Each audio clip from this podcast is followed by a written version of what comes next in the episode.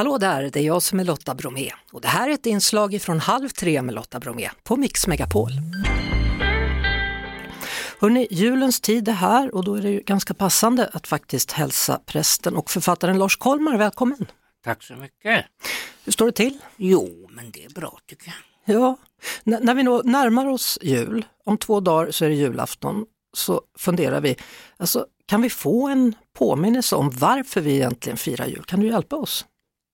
Ja, det var någonting om ett barn. Ja, det var det va? Föddes. Ja, det var det.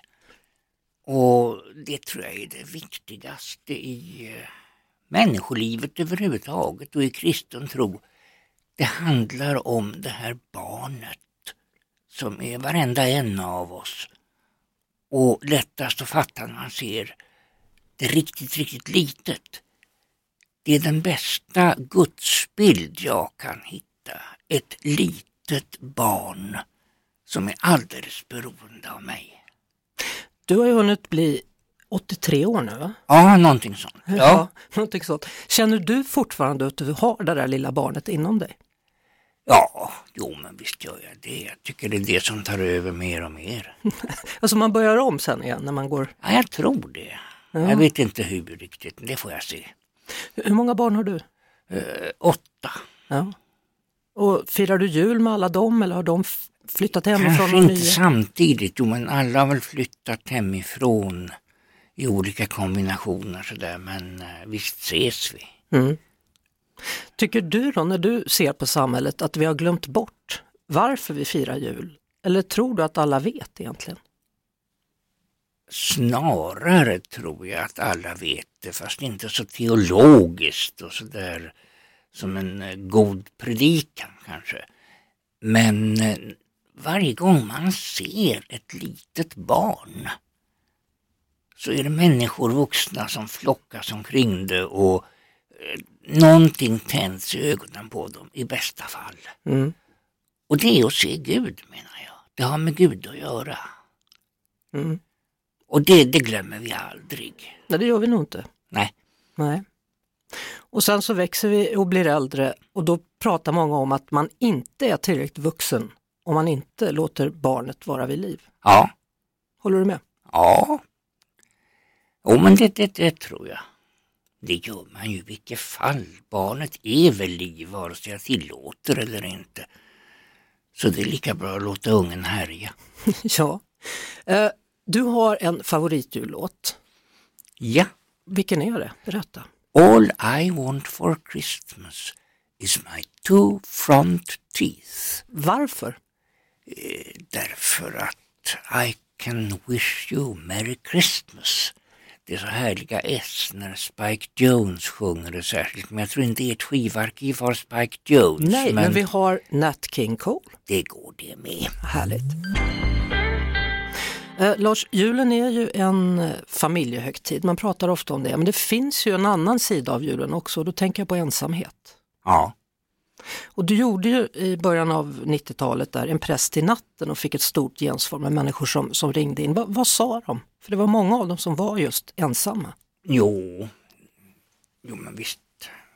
Visst har människor behov av någon att prata med. Alla har det. Och en, en del ringer till jourhavande präst eller medmänniska eller något sånt här och det är väl bra. Hur ska man tänka tycker du? Vad kan man göra för en annan människa i juletid? Inte tänka för mycket. Finnas där bara. Höra vad den har att säga. För alla har något som de vill prata om egentligen och, och vädra och kanske klaga eller kanske glädjas åt. Förresten, vi, det är mycket mer tillåtet att, att klaga. För det, alla är vana vid det. Men det där att få dela sin glädje plötsligt, det känns nästan mer förbjudet. Ja, Och ändå är det viktigare tror jag. Mm. Eller lika viktigt. Vi, vi, lever ju i väldigt tuffa tider och vi hör dagligen då politiker och andra säga att nu kommer det bli ännu tuffare. Vi har en mm. verklighet med krig i Ukraina, vi har rekord i dödsskjutningar, vi har lågkonjunktur, pengarna kommer de räcka till? Det, det är lätt att börja tvivla. Ja, Men eh, det där barnet som tron handlar om, när Gud blev människa i Jesus, det gick ju inget vidare för honom heller alltså. Han blev korsfäst, han blev ihjälslagen. Världen som vi lever i, i värsta fall så har den ihjäl oss. Men eh, ja, jag får väl vara beredd även på det. Det är inte det jag vill. Och har jag tur så slipper jag. Men jag ska inte vänta mig för mycket av livet och glädjas åt det jag får istället. Mm. Det är rätt. Och det kan vara mycket som jag får, alltså hur mycket som helst. Mm. Har du några slutord för oss om, om tiden nu då? Hur vi ska tänka, tiden som vi har framför oss? För det sägs att det kommer bli väldigt tufft. Ah. Jo men vänta, Martin Ljung har sagt något väldigt bra. Uh, ibland överlevde vi, ibland överlevde vi inte. Egentligen räcker det. ja, det kan man säga. Ja. God jul på dig! God jul själv! Och tack för att du kom hit Lars Kolmar. Tack! Halv tre med Lotta Bromé på Mix Megapol.